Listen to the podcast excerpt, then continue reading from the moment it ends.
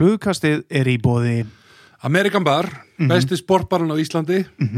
Besti maturinn sem fáið á sportbar á Íslandi. Já, er ekki til allur betra. boltinn, handboltinn, fótboltinn ameríski boltinn, fucking cricket. Já, nefni flugukastið á barnum fáið 8 vangi og bjór á 1500 kall það er bara grín sko, það er tjók það er djók svo er það góða fólki í Erberg oh, þeir eru mættir aftur í flugkasteimið og hérna Mhm. hafsteinn steinur, það eru það eru nuttækin, það eru túfti Mhm. undirföttin Mjúk.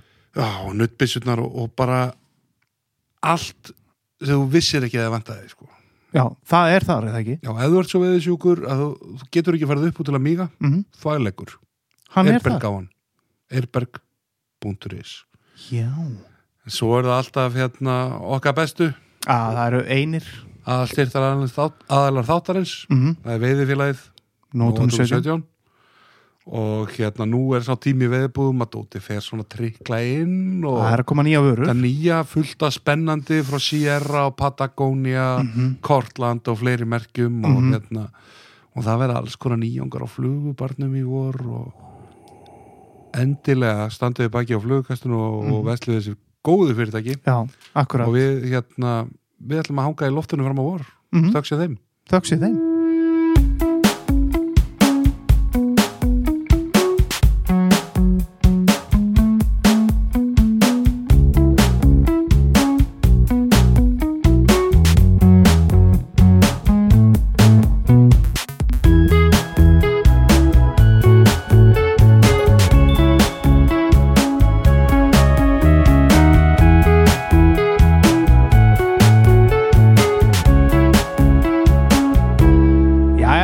Sigþór, það er farið að líða helgi. Já, við þurftum að breyta þessu því að Grænlenski er eitthvað já, grænlenski er að múra mikið þessa dagana og það er ekki alveg að treysta það hvort að þetta kom út á 50 eða höstum við bara byggist afsökunar á því Já, en bara- svona er þetta bara. Já, Þetta er hugssjónastarf Þetta er hugsunastarf og, og stundum þarf maður að vinna meira í, í hérna, hinni hérna, vinnunni og þessi borgar reikningana akkurat. En Sigþór, við fórum um daginn á hérna á bar og fengum okkur bjór. ok, Herðu, kom bara maður að mér færandi hendi með þennan líka ljómandi ból sem ég er í. já, ok Þetta er svarta dauða bólun, Sigþór. Þetta er með þingri bólun sem ég hef verið í, í þessu þóttum. já, ég var ekki alveg að ná þessari, þessari, þessari vinkil hann að höður Nú, já, já, en hann er kominn. já, þetta er þetta er bólur Þetta er myndalegu bólur, þetta er með myndalegu bólur sem ég hef verið í þættinum, en nóg af bólum Sigþór, við erum hérna eins og það er kannski heyrt svona af auglýsingunum undan glöggir hlustendur. en við vonum samt bara að ganga frá því í dag hérna. uh, nýji styrtar aðeinar á þáttinn uh, nýjir og ekki nýjir gömur landilitt, góða í Erberg er komið aftur með okkur lið mm og hérna ég er allir farin að mýkjast sko. Já, svo er það meistarinn Ingvar og, og Hemmi Svendsen á hérna, Amerikabar. já, það er Þeir ætla að standa með okkur í vettur og hérna, kveitum ykkur endilega til að fara og horfa á, á leikina þar og nefni flugukasti á barnum Mhm. og þið fáið eitthvað geggjaðan díl, eitthvað 1500 kall, eitthvað átta vangir og bjór og eitthvað. Þetta er bara þetta er, Og við ætlum nú líka að reyna að gera eitthvað saman í vettur, kannski eitthvað live event eða, mm eða eitthvað, eitthvað skemmtilegt. Við höfum eitthvað eftir að vinna betur út af því. akkurat, en það er komin gestur Góðu gestur, það er alltaf góðu gestur í okkur og, Akkúrat. og þess, þess er engin undantekning. Nei. annan í öðrum podcastum, alltaf leiðilega gestið þar Já, svona, misskemmtilegir, ekki, ekki að meðaltalegi af skemmtilegir á hjá okkur. akkurat, En það er hérna lífskunstnerinn, leðsögumæðurinn Mhm. og já, svona eiginlega bara segir okkur betur frá því eftir, verðandi mókull í, í alla samfélagi við manna Elvar Rutt Freyrisson, velkomin í þáttinn. Takk fyrir það, sælir. já, blessa Takk hérlega fyrir að bjóða mér. Já, Já, bara takk fyrir að gefa þér tíma, síðnættur. Bara sjálfsagt maður, mikill, mikill aðdáðandi. Þetta, er- þetta er búið að halda manni gangandi marga myrkra mótna á leiðin í, í vinnuna. Já, takk fyrir Takk það. fyrir Flugkastið, það. við reynum ert að mæta seint í vinnun, ertu að taka hérna, sitja út í bíl uh, og klára þáttinn og fara svo inn, eða? klálega sko. Klálega. klára lægi líka Klálega líka. En heyrðu, við ætlum að hérna, ekki bara auðsöku sjálfa rósin, við ætlum að hala að ræðum því. Hérna, það er bara þessi klassík, hvar mannst eftir þér í veiði og hvar byrjar þetta gauf? Um, ég held svona fyrsta alvöru veiði minningin er úr Lagsódal já, fyrir norðan. Ég hérna sko fóreldrar mínir eru búin að veiða þar í 44 eða 45 ár streit og, Það er bara tölur sem maður hefur ekki heyrt. Nei, nei, og það var alltaf vika í, í, í júni og vika í júli Já, og, og, og, og ég sagt byrjaði að fara með þeim þangað bara þegar ég var í, í hérna, barnavagnir sko, ekki það ég mun eftir því en, nei, nei, nei. en, en svo er mér sagt. En Vá, djús, þetta lítur náttúrulega að vera bara hvað á maður að segja, bara allast upp í háskólanum. Bara sleppir, sleppir grunnskólanum og Já, já, og já, algjörlega en þetta er náttúrulega, þú veist mér, mér fannst svona kannski fyrir svona fimm ára síðan það fannst mér fyrst eins og ég kynni eitthvað aðeins á þetta svæði sko. Já, Já. það er svolítið þannig sko. já, en, hérna, en já, ég, ég, ég man fyrst eftir mig þar og, og hérna, man mjög skýrt eftir því því ég fekk fisk á, á, á grjótbakka á hérna, flótholt og flug það er svona fyrsti, já, svona fyrsta svona skýra veiðminningi sko. Ok. en svo sé- náttúrulega var maður eitthvað í einhverjum vötnum og svo vorum ekki að ferðast um, um, um Hálendið og já, já, alltaf eitthvað að stoppa með stöng. Já, frábært. En þú ert náttúrulega úr mikil veiði fjölskyldu eins og, eins og kannski gefur að skilja að ykkur er búin að veiði næstu í 50 ár í röð í, í Já. uh, fóldrænir bæði mikið veiði fólk já, þannig að þú hefur kannski bara svona fengið þetta í vöggu bara með móðumjölkinni bara Al, ég átti aldrei senn sko. Nei. ég átti aldrei breyk sko. Ég, hérna, ég man að það pappi montaði þessi mikið að því ég var yngur sko að það var að hann skráði mig í stangu fyrir því ég var viku gamall. Auka umsókt sko. Gamla triksið. Klassist múf sko. Tværtangir í alliðanum 10. júli Nákvæmlega. Já, en pappið var náttúrulega formaður stangæfélis líka. Já, einmitt, hann var í, var í stjórn í mörg ár og, og svo formaður man ekki alveg nákvæmlega hvenær en ní- 90 eitthvað.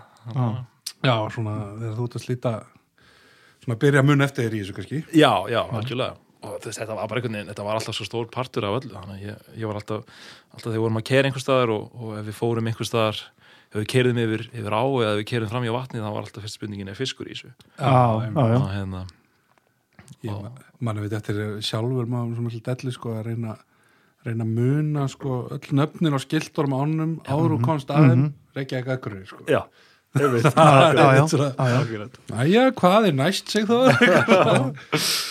Já, mér er alltaf, mér minnist það líka þegar ég var þú veist, ég var kannski orðin úrlingur þarna sko, en þegar við vorum að keiringt síðan norður sennilega norður í Lassodal sko og vorum í Norðuradalnum og þá, þá var tekið próf sko, þegar við komum fram hjá Glitstaðabrú í Norður, þá bara segðu alla veðistæði frá Glitstaðabrú upp að að Króksbrú eða eitthvað svolítið sko. Það er aðeins meira advanced svo segir þú, þetta er aldrei sér aldrei breyk sko. það var ekkert gólsett í fyrir mig að gefa Nei, nei, bara En Þannig að þú upplýður ekki dorkið á bryggjunni og fara í einhvern læk eða og, og veið á maðk og spún og þetta Jú, ég, ég gerði það líka sko, en það Já. Var samt ég, meni, ég var, var svo heppin að, að, að fóröldar mínir tókum mér svo oft með í svona mjög, eða kannski ekki í lagsvið strax en ég fór alltaf með í lagsvöldalinn og, og hérna svo var farið með maður þegar voru einhverju svona badnúlingadagar hjá Stangó eða, eða, eða hvað það var sko. Og svo náttúrulega ef maður var einhver staðar út á landi og, og það var stoppað í einhverju þorpi þá var alltaf farin á bryggju sko. Já, klassik gistum, á- gist á Sigló eða eitthvað taka svona smá krók á leiðinni í, Lagsódal og það var alltaf farin á bryggju sko. Já, já, Góða minningar á bryggjunum já, heldur betur. Sko maður bara fara með kassan á í fristihúsi á stanum og tekja öskju með heim á útbennið Já, Akkurat. Já, nema sko, já, nema þegar maður var svo vissum að maður væri að fara dætt í þann pakka og svo fekk maður bara marnút Já, það var því líkt disappointment sko. já, já, ég, veit- ég, veit- ég veit ekki hvort ég hef sagt frá því áður í þessum þetta en hérna ég fór eins og pappi var að vinna á sagt fór ringin og safnaði fisk sko og sildi svo til Boston og ég fekk að fara með honum bara þegar ég er eitthvað 8-9 ára ringin sko. Já, og var að veiða, prófaði þá að veiða í öllum höfnum landsum sko. og hérna, en, sko, Siglufjörður var góður og, berði, og Ólasjörður var mjög góður og Já, já. eitthvað svona fyrir austan Akureyri fít sko Já, svo var þú veist Ísafjörður var hörmung og eitthvað svona. Já, já. það var bara, Haf, hafnagætt já, nei, maður var bara komið með bara lista af bestu höfnum landsins sko. en já, svo hérna þú manst eftir hérna í Lagsádalum hvar kemur svona flugveiði án flótholts og hérna og svona marílagsin og svona hvernig fer þetta að vera eitthvað, eitthvað alvöru? Ég held, ég hafi verið svona kannski 6-7 ára þegar maður fara að gera þetta einhver alveg að prófa sko, en, en Marílagsin kom í ellið ánum klassik þegar ég var 8 ára og hérna maður hafði alltaf vel hafa svona það var á stótsteil mikrotúbunum með 16 Já, geggja í, í neðri kistu Já, og annar svo sem fylgdi, ég man alltaf vel eftir þessu það er frábært Stóts til mikrotúbu Mhm. Mikrotúbuna voru náttúrulega mikið hérna, late 80s, early 90s Mhm. phenomenon sko. algjörlega sko. söguna sem maður hefur heyrt að þau voru, þau voru uppgötað þetta sko. Já. voru að fara í þessar lagsverða sem voru kannski veist, það sem var hægt er ensli og menn búin að vera, veist, kasta stórum túbum eða, eða flugum og Já, já. láta þetta döðreika þú veist í hálftíma sko, svo kemur einhver sem fattar að setja eitthvað pínlít og stripp og þá bara verður allt vitt. Sturlast Já, skjössamlega Þetta er náttúrulega, já þetta, og eiginlega svona tískubilgjur í þess alltaf sko. ég hef nú alltaf haldið trú við hérna, Tílen Black, vera með hann í bóksinu og Tílen Blue og svona einhver, einhverja flugur. Algjörlega. Maður þetta er einni sem að Gunnar Svimbinsson heitir hérna var alltaf með sér augað það Já. er bara svona Jungle Cock eitt Jungle Cock og smá hérna hann áls fannir sko. Ok, en þú veist bara tvekja viljum metra túpa sko. Já, Já, við erum að gera meira þessu. Klálega the old stuff sko. Já, þannig að þú ert, byrju, þú ert átt ára að koma með tvo marilasa og kistónum á mikrotúpu það er svolítið svona það, eins og vörður maður myndir að segja svolítið snobbið því já, samt, ég veit að ég veit, ég er búin- ég er búin að hlusta á þess að sem- sem- ég bjóstu ykkur um þremur sökkum í borgastróhólu eða Já, ég hefði kannski bara hægt að segja það sko. Það það er mjög Það er logiskara sko. Ég, ég fekk ekki sko lags á maðk og spún fyrir, fyrir en eftir það sko Þá fór maður eitthvað svona, vildi maður aðeins prófa það sko. Já, og þá var maður einmitt niður frá jællega honum að, að hérna. Ég er svo sem að kasta steinum og glerus ég hef aldrei veitt lags á maðk Nei, ok. Ekki heldur. Og fekk marilagsin reyndar ekki á mér fannst í stað stíplun í korpu. Já, en á herri meira nummer 16 sko. Nú, já, já, já, já, Það er líkilega til að sé nummer 16 sko. Já, Það algjör er mjög, mjög, já. Og snobbið sko. Snobbið, Snobbið, nákvæmlega. Eh, já, þú samt svona já, þú veist eins og, eins og kemur inn á og ert mikið í veiði gegnum fóldræna og, og annað og ert svona snemma bara já, get ég mynda mér komið veiðdellu ég man eftir hérna þegar ég var að remba mig í einhverjum flugundíkakefnum í Kanada þá varst þú einn af þessum svona fjórum nördum á landinu sem voru líka sendin flugur og svona. Þannig að þú hefur að nýta líka Ég nýtti rosa mikið, því, því miður þá ger ég ekki jafn mikið áður, ég ger, ger ég ekki jafn mikið aði núna eins og áður en sem er mjög skrítið að því að þetta, þess, það er engin betri þerapi heldur en að sittast niður og nýta. Talað Nei, um núvitund sko. Já, það er hókalega maður. Og Já, og hérna en svo svona þegar þú kemur á úlingsaldurinn verður þetta þá bara einhver algjöru monsteri eða þessi della já, já ég, ég hérna ég átti ekki þetta svona cool tímabila sem ég, það ég slefti við ég, kannski var ég bara ekkert cool sko, það það. Ég, ég, hérna, ég var alltaf bara grimman Já, já, færði liðið jakka á mótur gólsett Svaka töff. Nei, já, ég meina, hún, hún alveg, hún alveg hrundi inn, sko, þegar maður var úlingur að því að þá líka vissi maður að var stutt í það að maður getur fara að gæta, sko. Já, Það var rosa markmið, sko. og já, við bara spyrjum aðeins út í það hvar, hvar byrja það og, og, og svona, getur sett okkur aðeins fyrir því? Já, Fyrst, sko, fyrsta gætir ég mitt var í, í, í norður í Lagsá, í Aðaldal, fyrir hann, hérna, Orra Vigfússon heitinn. Já, lagsafélagsveður Já, og var þar með, Það hérna... er bara easy að byrja þar bara Já. Já, easy. fínt að byrja á svona, svona- lítillir netri Já, ég veit, þannig að lesa svona lítil Já. svona. Sér fiski bara Já, já. En það, það sem var eins og mjög gaman við það, það gætir í sko, því ég var, ég var, ég var svo stressað sérstaklega að maður var eitthvað með bát fyrir hona eða fossa sko, þú veist, 17 Hvað ertu gamall hann? 17, bara um leiðið ég fekk bílprófið. kjafti maður. Já, ok. Það var bara um leiðið ég fekk bílprófið, þá var bara að fara í beint í þetta sko. Já, Ég er ekki vissum að ég færi með einhverjum 17 ára í bát fyrir hann að vitandi að þetta væri fyrsti dagur Nei, nákvæmlega. Ég, sem betur fer vissi þér það ekki og ég var með eitthvað smá híjung sem bjargaði mér sko. Mjög feika þetta sko. já, En það var samt að var skemmtilegt við það að þeir voru, miklir, voru hérna, frábærir þurflugu við með líka og þetta var snemma sko, það var lítið að gerast nema bara fyrir neðan aðeins sko. Já, þannig að það var að vera með þeim í einhverju algjörum nördaskap sko uppfrá úf, og kunnu miklu, miklu meir eldur en ég nátt tíma í því sko. já, Það er gaman að maður lendir með einhverjum svona kunnum sem að maður getur lært eitthvað af líka sko. geggja sko. Geggja. þegar ég man alltaf þeir voru svo þeir sáu, því ég var aðalega með lagsaflugur með mér, ég var með einhver sérungaboss og, og þeir sáu, þú veist, einhverja svona noblir og sko, og þeir voru svo móðgæðir sko. Þeir voru bara, ég fannst þetta svo mikið móðgun við urriðan, sko, það var að bjóða um þetta og rust, voru sko, þetta brettar þetta voru perrakallar algjör, sko, algjör sko. Ok, þannig að þeir hafa bara geta allavega nýtt daginn í það að eldast við urriðan í lagsa já, það við höfum alltaf sagt að hérna laxa er urrið á, er bara laxar í henni hún er bara drottning á svo mörgu leiti maður. já, já, bara, já. Ég hef myndi spurt marga þessu sko, hvað þú mætti veiða þú veist, eina á bara sem eftir er æfina sko. Það er engin á Íslandi sem að myndi nenna að gera það nema kannski laxa á sko. Er með svo, með svo margt sko. Já, þú getur já. verið í laxinum og urriðanum og liggu við í urriðanum og þyrftir aldrei að veiða saman veðistæðin tvisar sko. akkurat algjörlega, algjörlega og svo líka, þú veist það sem er svo gaman við, við lagsána, þú veist, þegar, þegar að dettur inn þurrfluga svo að þú veist að þú kanta á hana sem púpu við maður eða hvað þú kalla það, sem bara ma, ma, sem er búin að veiða hana að vori, sko Já, svo kemur það í, júli og þú kant ekki neitt, sko mm. þú veist, þú ert ekki að veiða sem ána nei, Nei, nei, nei, fiskurinn komin upp úr djúpa álunum Já. og bara komin í grunnan bara oft er bara uppi bakka á 15 cm djúpa vatni sko. Mhm.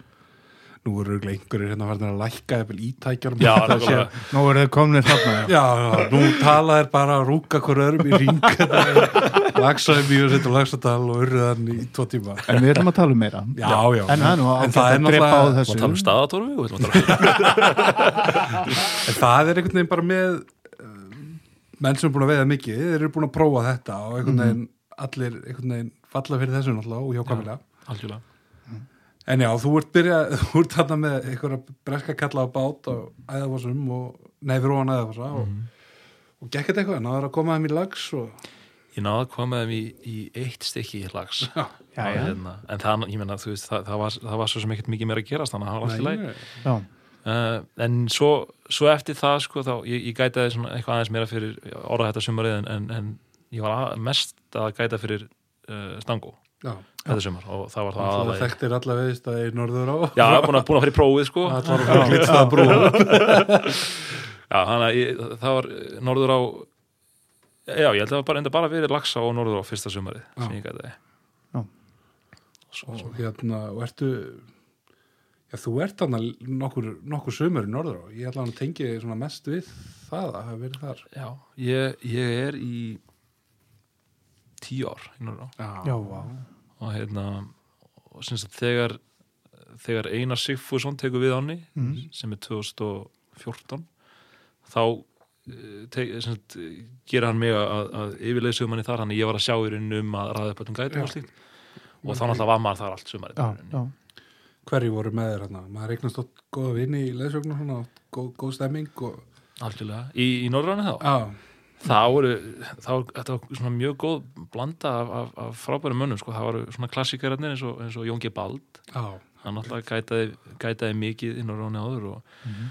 Og fleiri úr, úr svona hans hóp uh, gamla skólanum svo kallega já, já, og hann og pappir náttúrulega miklu vinni hann, ég er búin að þekkja hann alltaf og það er hann að Gunn, Gunnar Pétursson sem er hann svona Pétur Georg sem var hann líka. Mhm. Haugur er mættur hana Haugurinn alltaf, auðvitað. Já, já, og hann svo náttúrulega kannski fljóðlega eftir þetta fyrir hann að færa sig meira austur sko. Já, en uh, já, og svo, svo Jói Steins og, og svo náttúrulega, já, svo breytist náttúrulega kannski Júli aðeins manns. Bjarna Júli og- Bjarnar náttúrulega var mikið með mér hana við, við erum miklu vinnir hana og erum enn í dag.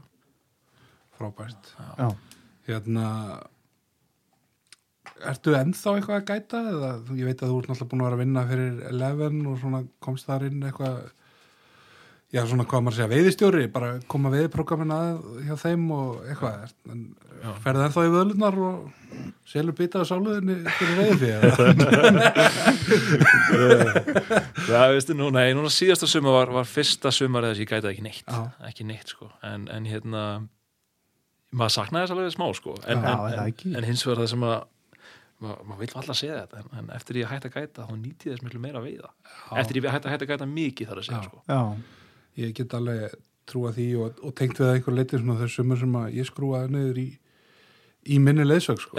En maður saknar alltaf þessar svona sameilu þjáningar Já, svona þegar það gengur illa og já, talandi um sumarið í sumarið mitt, þú veist kannski heppin að gæta ekki sumarið í fyrra. Ef þú ætlar að velja eitthvað sumar síðan 15 ára til að gæta ekki þá var þetta kannski bara ágætt. Ég var bara döglegur að ringja eins og í, í Steina Þorstein Stefán sem er nörðan bara tjekka á hún, sko, hvernig hann hafði það bara sumar, sko. Andlega hliðin og henni bara. Já, þetta er, þetta, ég með þetta er en eins og þú segir, sko, það, það, það menn eru hérna, eru svona samsorgarar og, og, og hérna, og þetta verður svolítið svona samfélag, sko, það er algjör, algjörlega steikt stemning þannig að menn eru búin að lengi og sérstaklega að veiðin gengur illa, sko. En það er bara, ég Mér finnst samt sko eiginlega fannst mér að mörguleiti auðveldara í sumarhællunum hefur oft verið sko þegar veiðin er, er ekki góð sko en, en samt svona eitthvað ekki nógu léleg til þess að fólk sofi ekki út sko. Já, Já, já. Þannig að náttúrulega það var ekkit, jú, auðvitað var þetta oft mjög sorglegt og allt það en Já, já. maður er ekki að taka alveg lengstu dagana sem maður hefur tekið gætir í sumar sko. Nei. það er nú starrið en hérna, já, ótrúlega, ótrúlega stemming sem getur myndast í svona milli manna í svona feeling sko. Já, algjörlega það var bara, þú veist og svona marga góða minningar sem maður mun alltaf geima sko, og hérna, marga góða sögur sem aldrei marga segja góða sögur sem aldrei segja sko. það er það sem ég myndi sko. ég, var- ég var bara sugarcoatað þetta með henni sko. Ég, ég get sagt frá einu hérna sem var, er mjög, mjög saklust en það var svona þegar, þegar stemningin var steikt í Norðuráni sko, og þetta var ekki erfitt þá var orðin svona hefð sko, að, að hérna, tíknættur Júli Bjarna var farin að, var farin að lesa alltaf fyrir okkur hérna alla gætana settist allir saman og hann las fyrir okkur síðu og heyrt stúlkuna. Og, og svo svona áttu, áttu við til að kannski grafa upp símanúmer og, og svona aðtöðu hvað hann var að gera í dag sko. Það var svona, þetta fyrir me too. Þetta nýtt og já. já, maður er lendið, ég myndi alls konar svona ég hérna, mæli líka með það er hérna DFT sko sem heitir veiðiperlur. Já, ekki með ekki að skóla sinni aðra veiðiperlur. Já. það er að líka léttmannlundina á erfiðum hátæðislegum og eitthvað svona sem ætlaði í tækið. Þú ert ekki að gera allt vill no comment frá Elvar það, slögt á mækna mínum það, sem er sko það sem er skemmtilega sem er í gæðirinu sko, það er þegar þú varst að, að, að deila húsi og á með mönnum sem eru hjapmilli nördar sko. Já, það er, það það líka er alveg stórkostlegt sko. það er ekki talað um svæði skilur, það er talað um steina skilur, Hva, hvaða Já. ákveðna steina í ákveðnum hil og, og, og hérna og svo stærð á flugum en líka hvort þú hafið snirt hana til whatever, Já, þetta er já, alveg niður já. í þennan dítel sko, sem maður þrýfst alveg á þeim í þessu sko. það er algjörlega nákvæmlega, það er þetta hljóð sem að einhvern veginn kemur sko. þú heitir svona með þetta Já, þú veist, kannski í mánuð eða tvo eða eitthvað með sömu mönnunum að pæla í sömu ánni og þú veist, þú er búin að ná öllum öðuldu fiskunum, sko. já, já, það veist, hvað bara, ætlar að gera til þess að ná einum í viðbúð? bara challenge sko. Já, er eins og þú segir, bara mögnu, mögnu stemming. Algjörlega. Og svo náttúrulega bara lærir maður ógislega mikið sem veðmaður, sko. algjörlega, algjörlega En við erum nú einmitt talað um það hérna í, í þessu þáttum að svona veiðmenn sem veið ekki, þú er nú aldrei, aldrei verið þar. Þú er nú farið víða og veitt. já, já, já, Já. ég hef gert það ég hef gert það og aðeins meirist út fyrir landstænina sko. Já, undanfæra nála, það er búið að vera mjög gáðan Hvert hefur verið að fara? ég fór hérna, ég, ég fór í hitti fyrir að segja til Labrador já, Já. að elda lags með þurrflugu. Allandsafströnd Kanada. Já, og Ah. stóra, stóra bomber á já, já, bomber bara á, það var alveg klikkað sko. alveg ótrúlega sko.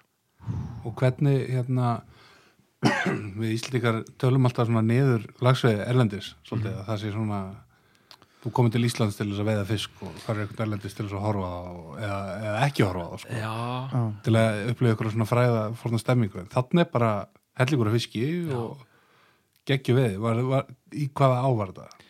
var í, í hönd Já, já, já, hérna Gordon og, Já. já, einmitt þeir sem að hafa ekki séð þetta veiðhús sem er hérna, það er það einfallega bara upplöðin að sjá það, þeir bara getið googlað þetta Hunter River Lodge eitthvað. Já, það er enda að geta við, sko, það eru, það eru, þetta eru tvær ár þarna sem þeir eru með og önnur heitir Hunt og hinn St. Louis. Ok, og, og það er semst á Louis áni, þar er alveg þetta bjál, bjálka höll þarna sem er með og njáni og þyrluna lenda bara og, já, besta homepúl í heimi og eitthvað leiti sko. Hérna, ég var nefndir ekki það, ég meina samt í frábæri húsi, ég skil bara ekki hvernig þið byggja þetta sko, ég meina það er ekki vegið en þetta er bara þetta er bara float plane, þú kemur bara inn á svona já, shit. Já, er bara, þú veist, efnið er bara skorur að bakkanum bara pff, líka við, ég bara áttum ekki á þessu sko. þetta, er bara, þetta er bara algjört wilderness sko, og þetta er svo ósnert sko. Það er bara þetta hús og svo er þetta bara þú og, og bitinn er að reyna að stela lönsinni skilur, þetta og eru það að fara þá á bátum niður ána og stoppa á allt á kanu sko, svona kanu með mótor sko.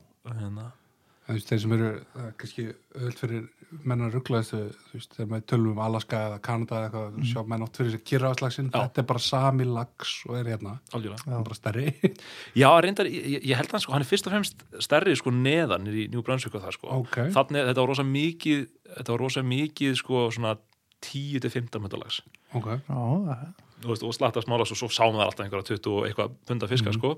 en það var, það var engi svona 30, 40, 50 nei, gæjar nei, sko. nei.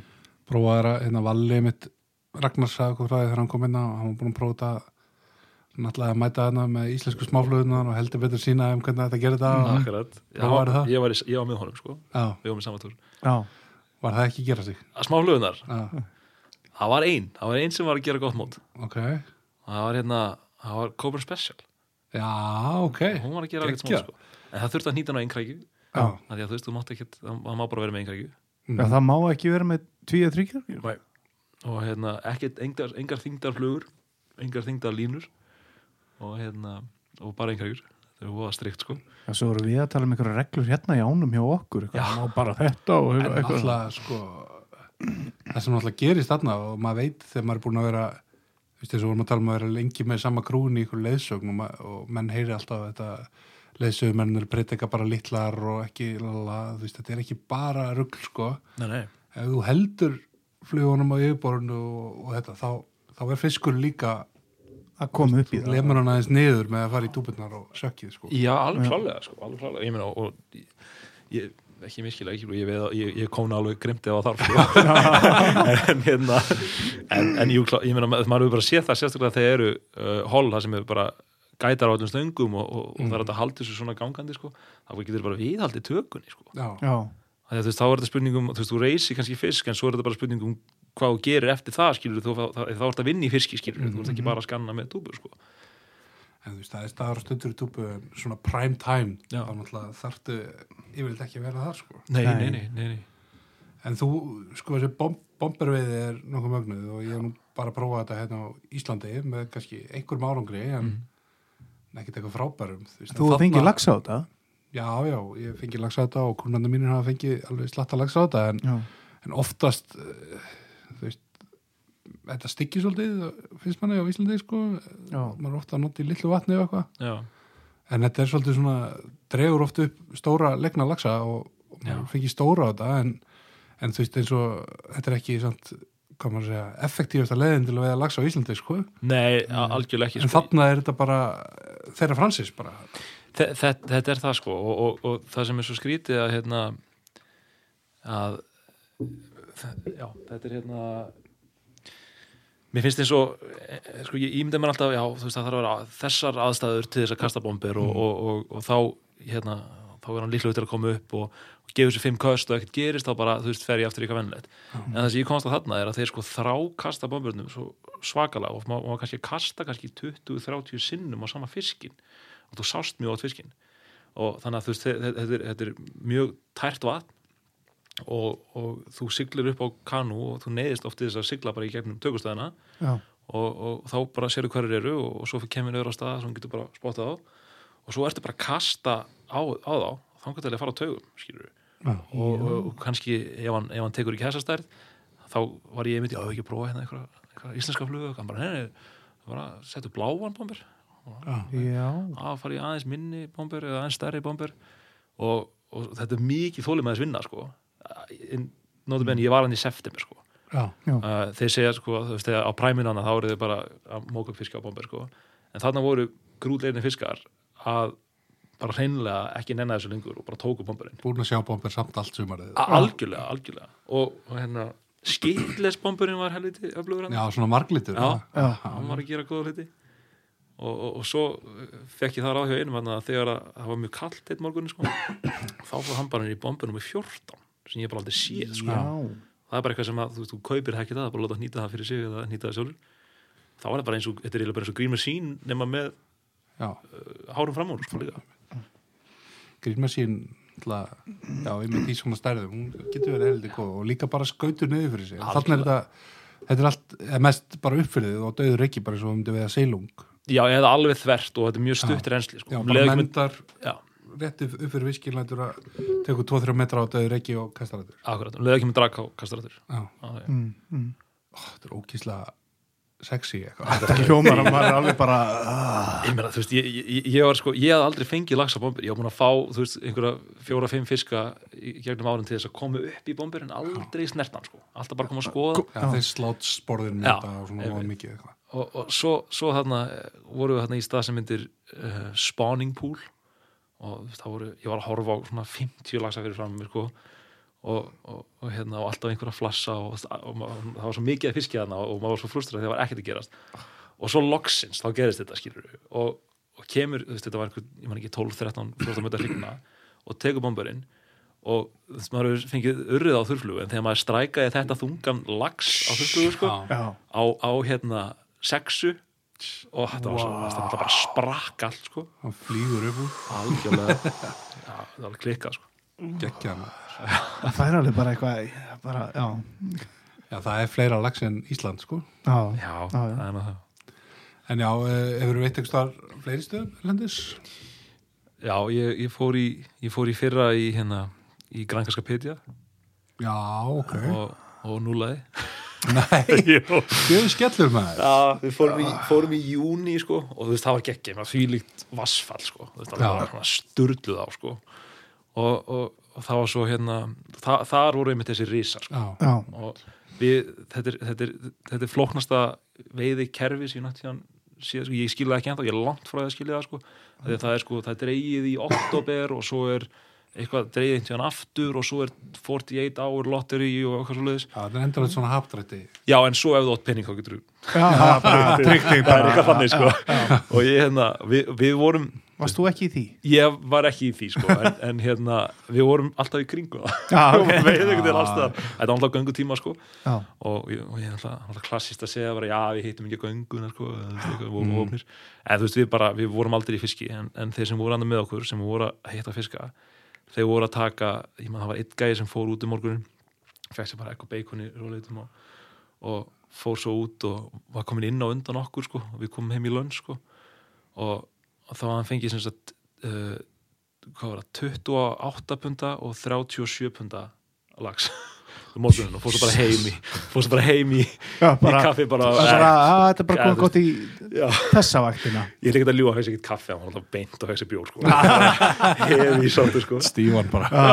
Bara ruggla sko. síðan sko. Og það var alltaf einkrækjur nummer sko, 2, 0, 0, 2 og 4 Já, klassískar lagsaflugur Já, flótlínu einhendu Vá. magna það er við erum eitthvað að skoða þetta. Já, þetta er Það er eitthvað. ekki styrtar aðeins þess að nýju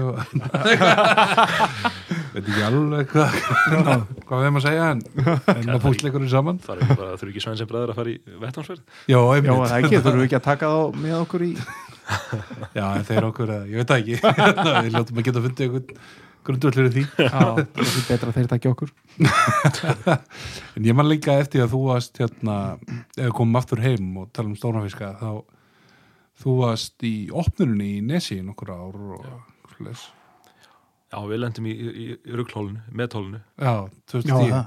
Nei, 2016 16 2010 var frábært sko. Já, svo komum nokkur svona mögur árinu milli og svo 2016 þá, já þannig að 90 og eitthvað, Já, lagsa opnunni eða eitthvað. Já, fengum 93 lasa á, á þeirra myndum ég held að vera 11 yfir metri þetta var alveg bílað hól sko. algjörlega rugglað sko. Þú átt sér sett hérna fiskið við metir já, ég á ég á 100 uh, tvö stykki 101 og einn 102 hvar? allt í nesi Já, já, Eh, ertu ennþá að veða hana? ég hef ekki farið í nesi nokkur ár en, en hérna, og ég hef bara ekki farið og veitt lags í aðaldanum í nokkur ár sko, en það er bara klálega eitthvað sem maður gerir aftur sko. Já. já, já. ég man náttúrulega ef mér misminir ekki þá var náttúrulega þessi rosa veiði hann í byrjun 2016 skilaði sér svo í stangafjölgun og einhverju 60% verðhækkun ára eftir og Já, æ, ég veit ekki, ég ætla ekki að fara, fara að kommenta á það en þetta, svona, þetta fór svolítið söður eftir það sko. þetta, Já, þessi, já. þessi frábæra veiði hafði kannski ekki alveg áhrifin sem maður var að vona en, en ég var samt bara þeimur fegnari sko, að, að ég var hann með Júla Bjarna félag minn Mhm. og, og við vorum alltaf saman í opnuninni þessi og að mér minnist það sko þegar við vorum sennilega á annari vakt eða þriði vakt eitthvað svoleiðis, að þá, þá svona settust við niður og, og töluðum um það sko að þetta, þetta gerist aldrei aftur sko þú veist, þetta, er, veist, þetta er ekkit eðlilegt sko þetta er bara once in a, once in a lifetime ég, alveg, sko. ég held þetta sé besta hol í sögunni sko. þú veist, betra heldur en prime vikurnar í, á gullárunum sko. já, held ég sko. þröstur hérna 11 var hjá okkur um daginn ég veit ekki hvort að ekki alveg búin að ákvæða hvort þátturinn þinn eða þátturinn hans gefur að við- hlustendur að ljóta og geti því samt. Mhm. en hérna, hann var að tala um sko, hvað er ekki, opnununa 87 eða eitthvað, þá hefði veiðist um 90 og eitthvað lagsar Í opnun, já. Já. Er það, ok. hann er með eitthvað ótrúlegt minni á, á ártöl og, og lagsagengd Já, og Já, akkurat, já, og bara tí, og klukkan hvað, sko. Já, já, já, en veist, þannig að kannski þetta er einn á móti 30 eða eitthvað, þú þú, þú átt eitt skot að lenda svona þú stundar þetta allæfi algjörlega, algjörlega. En það líka, veist það, það skiptir ykkur sem miklu máli ef að menn hafa annað búin tök á því að, að fara í, í veiði sko að, að halda tryggðu við svæði sko, þú veist, Mhm. ef ef þú elskar eitthvað svæði og þú veist, þá átt að læra á það eins og getur veiða það aftur og aftur ef þú hefur tök á því. Akkurat, og hérna, þú veist, það mun alltaf koma ykkur mögur ár skilur en þetta snýst ekkert um það ég meina, ef veiðin, Nei, ef veiðin er skemmtileg, vatnið, eitthvað sem þú fílar sko, þú veist, Mhm. þá, þá mun það gerast sko. en það verður náttúrulega að fara í báðar áttu líka já, já, veist, það veðilega eða eigendurnir eða, eða veðilega salarnir verður líka munna hverju kipti veðilegin þegar það var engin, engin veiði sko. já, Mhm. það er alveg rétt þeir með kannski alveg fá eina uppsætt þó að sé ekki allt selt undan þeim en, hérna, já, já. en þetta er alltaf já hvað, þetta er alltaf gríðalega grimmi bransi bara eins og við vitum hann er það Já, já, er já, já. það kemur, þú veist, það er alltaf krafa frá landeigundum meðlega með, með hámarka já, arð sem er bara einhver leiti eðlilegt en á öllu leiti fústuröndi Já, algjörlega sko. og það er svo, það er svo, það er svo margar leitir að horfa á þetta sem er horfa bara á þetta út frá skilur fjölda fiska sko og, og hérna, svo held ég að þeir sem eru svona virkilega mikið í þessu, þú veist, þeir eru ekkert lengur að horfa á það Nei. og verðmæti ekkert endilega að vera lagsbjörnstöng eða, eða, eða hvernig svo Nei. horfur á það sko Nei, nei. og ég meina, þú veist bara nesið sem dæmi sko, ég meina, þú veist, það eru mjög fáir menn sem að fara þangað aftur af því að þeir veitur svo mikið sko. Það er ekki allir búin að brjóta niður útreikninga á veiði og stöng og fá þótt að borgi sig að fara en Nei, það Nei, er kannski meira svona að verða heppin einsunni Já, Mm. já, líka bara einhvern veginn ma- maður myndar svona tengsl við vatn bara, þú veist, það er, þetta, er- er það svona er- bara Það er mikið til í því sko. Það er einhvern veginn, maður bara tengir við eitthvað og það er alveg sama, ég myndi aldrei fara að reikna út Nei, lagsbjörnstöng í einhverju sem mér þykir væntum að fara sko. nei, Ég drullu sama, það er kekkjaði veið þarna. Já, ég held að ég sé mitt búin að borg, bóka svona mín veiðilegi fyrir næsta ár og ég held að allstaðar í ferlinu sko að nálgast þau veiðilegi hafi ég hvergi spurt sko þá sem að selja hvað vittist í fyrra í þessari viku eða Nei, Nei, nei, eitthvað svoleiðist og Nei. svona nokkurn veginn veist svæðið sem þú ert að fara og yfirleitt er maður að komitta í einhvern smá tíma og stundum er maður að fara í eitt skipti til að prófa eitthvað og já, maður, já, en þú veist eh, já, það er, það er svo margt annað heldur en bara lags og stöng sko. já, algjörlega Það var svo gaman að koma aftur og, og þú veist eh, kannski gera henni endurtaka leikin heldur meira svona læra af mistökunum sem að gera í fyrra sko, Mhm. og þegar það hefnast þá var ekki ekki já, það er styrlað sko Heri, ég hérna nefndi við ára við fórum í upptökur ég, ég er nú, man nú ekki eftir að þegar náðu einhverjum rosalegum hæ, sko, vinseldum í músík, en ég man eftir hljómsveit sem þú varst í, hérna Mhm. Held að Mjög skemmtileg grúpa sko. strákur úr vesturbærum hérna Kári Átnarsson sem var í henni með mig Já, já. Maður- ég man bara eftir nafninu eiginlega Mhm. Dusty Miller Já, bara geggjað hérna að sjá einhverja, hvað er þetta ekki svona einhver blúskotin rockljónsveit með, með flugunafni Já, ég klálega hvernig sko. kemur það til? það, það kom þannig til að, að hérna, ég var það þurfti að setja sniður og, og fá sér í eina feita til að finna út hvað bandið þurfti að heita. Ég ekki að fara að koma til það hér Eh, Ég ég get sagt þér nákvæmlega hvernig nafnum kom til sko. það var hérna örgulega í 98% af veiðhúsum á landinu þá eru, þá eru þessi gamlu plögguti með hérna, plögguti með, með klassísku lagsafljóðunum Gamlu klassísku. Og ég var í sagt, gamla veiðhúsin í Norður á og, og þar var inn á, inn á gætagangi eitt slíkt sko. Já.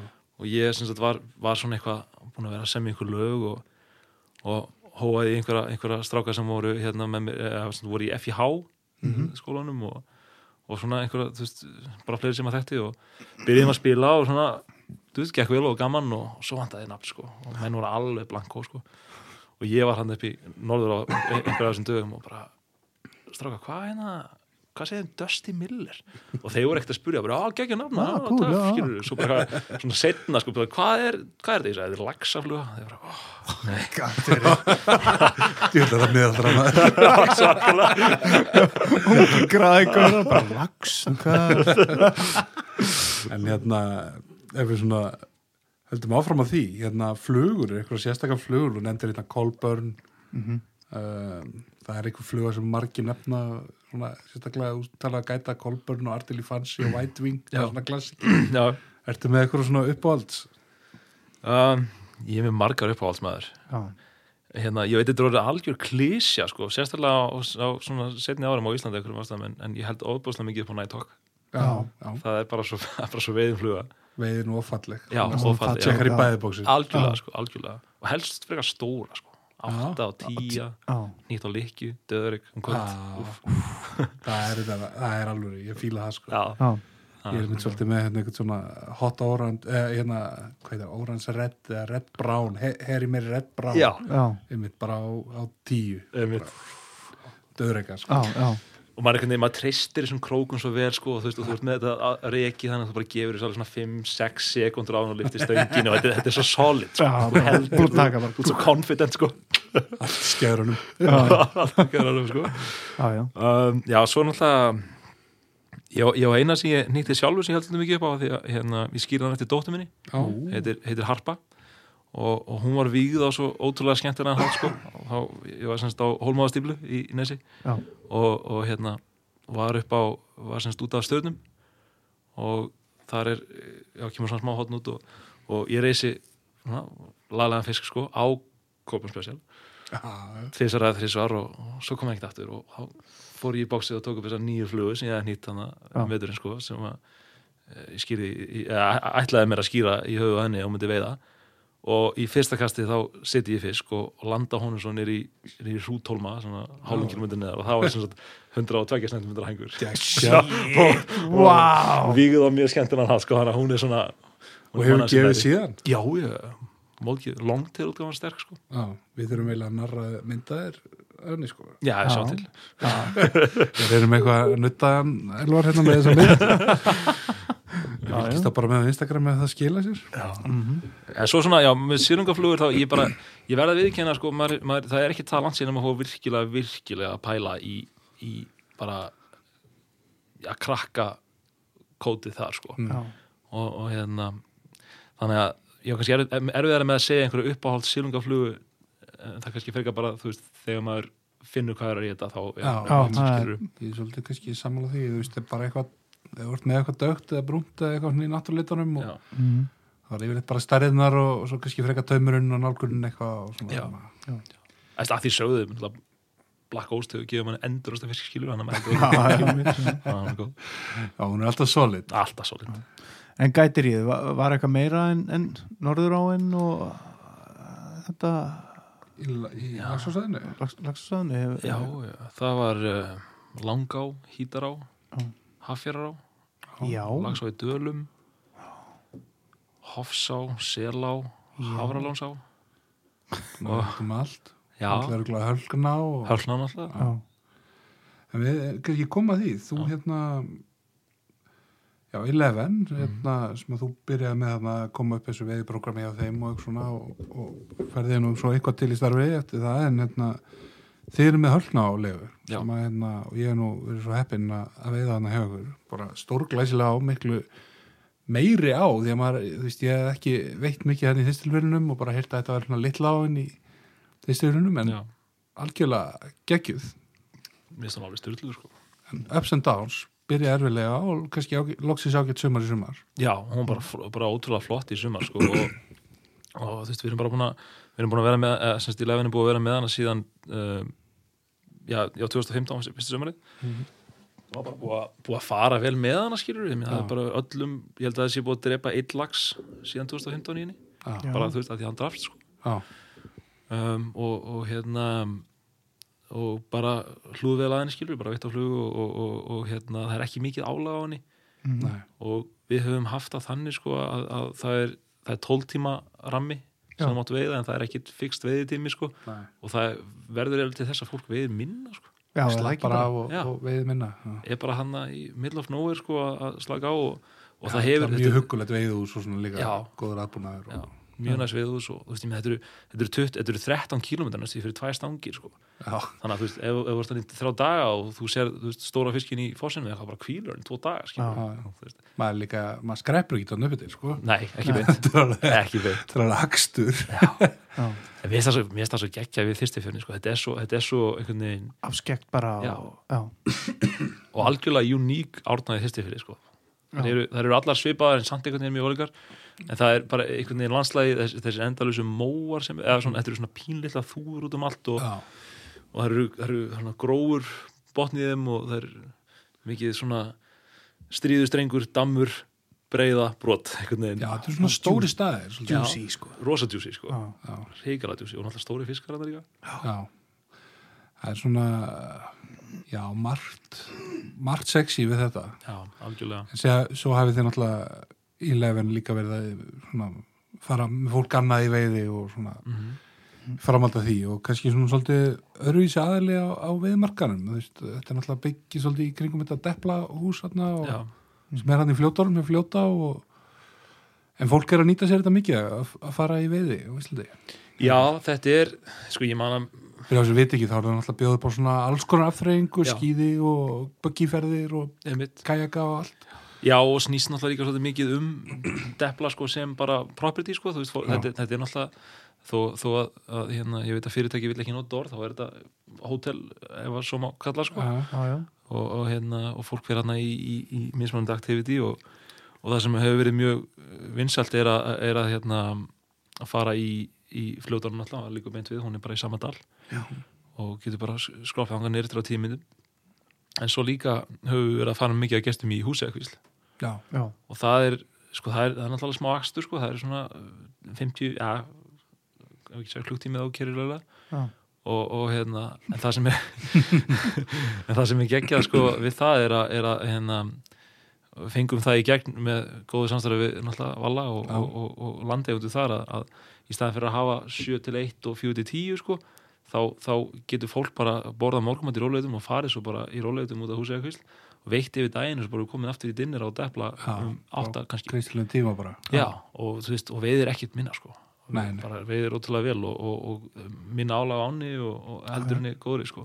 Mhm. og það sem, að, það sem að ég ætlaði mér alltaf að gera á sínum tíma var sko, að því það er sem sagt uh, heliski hérna program hann á deflum sko, það sem fólk fyrir þyrlu og skýðar upp á, á, á tröllaskaganum Já.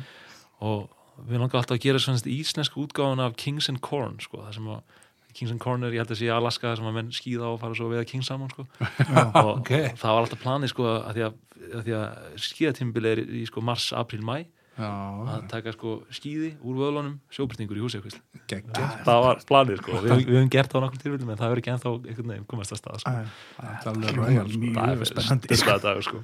og náttúrulega Þorsteinn er að vinna hana Guðs rock betur hann er, hann er verið hana. Top eintak, ég, ég reyði steinin til fyrirtækisins og hann er alltaf bara hana local legend skilur, það er ekki allir á, á, á svæðinu og, og, og hann er alltaf búin að vera í kvíslinni í, já, ég veit ekki hvað mörg ár þannig að hann fer hann að gætar okkar kuna hann og, og, og, og selur í árnar og, og, og, og keiri svo gesti þegar hann er ekki að gera eitthvað við þetta sko. Þannig að það er bara frábært sko. allt múlít bara skilgreiningin á allt múlið Já. já, já, En þú erum líka hérna svona, þú nefndir hérna í byrjun hann Orra Vigfússon Já. heitinn, sem náttúrulega byggði upp hérna Northlandic Salmon Fund og, Mhm. og já, hann og pappiðin stórvinnir það ekki? Og hérna, og þú hefur svona verið að- að vinna með þeim svona, já, ég veit ekki, var það að byrja áður en áður fyll frá eða hvernig var þetta?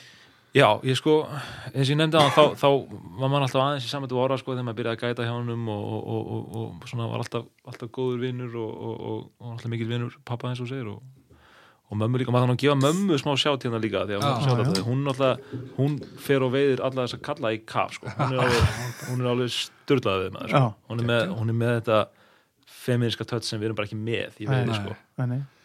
þannig að, Það er, maður sér oft svona góð kona, það er, mikil elja. Já, Já, Algjörlega. meiri elja heldur en í okkur stöku sinnum sko. bara hygglust sko. Já, það er bara þannig. Ég, ég var að koma með þess Já, bara, bara endilega bara, já, bara allt kredit á það sko. Já, algjörlega. En, en hérna, sem sagt eh, já, svo, svo svona kannski minkaði samstarfi við orra, þú veist, maður alltaf var í skóla og var í gæta og Mhm. þannig og, en svo þegar ég er sem sagt í, í, í háskólanum þá fór ég að vinna smá tölfræði vinslu fyrir orra og það svona komst sambandið aðeins aftur á stað og, og ég læri sálfræði Já. í, í HÍ, mikið tölfræði mikið tölfræði Mm. og ég var hann einhverjum alls konar tölfræði útreyningum fyrir hann varandi hrygningar, áallega hrygningarstærð í Laxá og bara geggjaðast að sætbrótsið allra tíma sko, verið að borga fyrir að velta fyrir sér Laxá sko. Og hérna og svo, svo sem sagt uh, er hann Orri var orginal kontaktin fyrir Eleven á Íslandi. Já, Orri er náttúrulega sigfyrningur og, Chatpike og já, hérna hingað. og hann náttúrulega er, er, náttúrulega fljó, fljóta maður og, og, og búin að vera legutæki og, og viðriðin fljótana í, í Mhm. fjöldamörg ár og ég náttúrulega veit ekki hvað gerist á baku tjöldin en ég til að hann hafi náttúrulega verið átt tölvöld mikið part í því að, að ég fekk vinni hjá Eleven til að byrja með Já.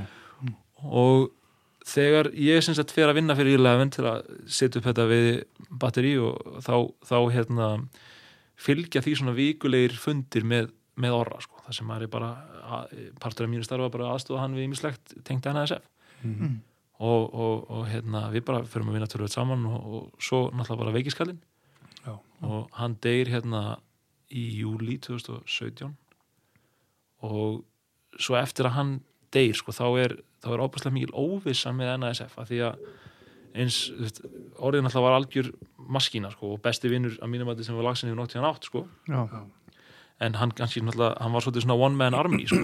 Já, hann hefur kannski tekið þetta svolítið bara sína herðar og verið með þetta svolítið mikið í hausnum og allt hvað. Já, í rauninni sko og, og, og hérna þannig að, að, að þegar, þegar hann fættu frá sko þá náttúrulega vildu við og, bara allir í kringum hann halda starfinu gangandi. Og, og þá þurftu við svolítið að fara í þá bara svona vinnu að, að bara komast að ég nákvæmlega hvað er NASF skilur og, og, og NASF er náttúrulega eru samtök sem eru með chapter át um allan heim sko. Já, já. bara er allstar það sem að allansaslags hefur nátt síðan verið í einhverjum á, þar er NASF chapter sko.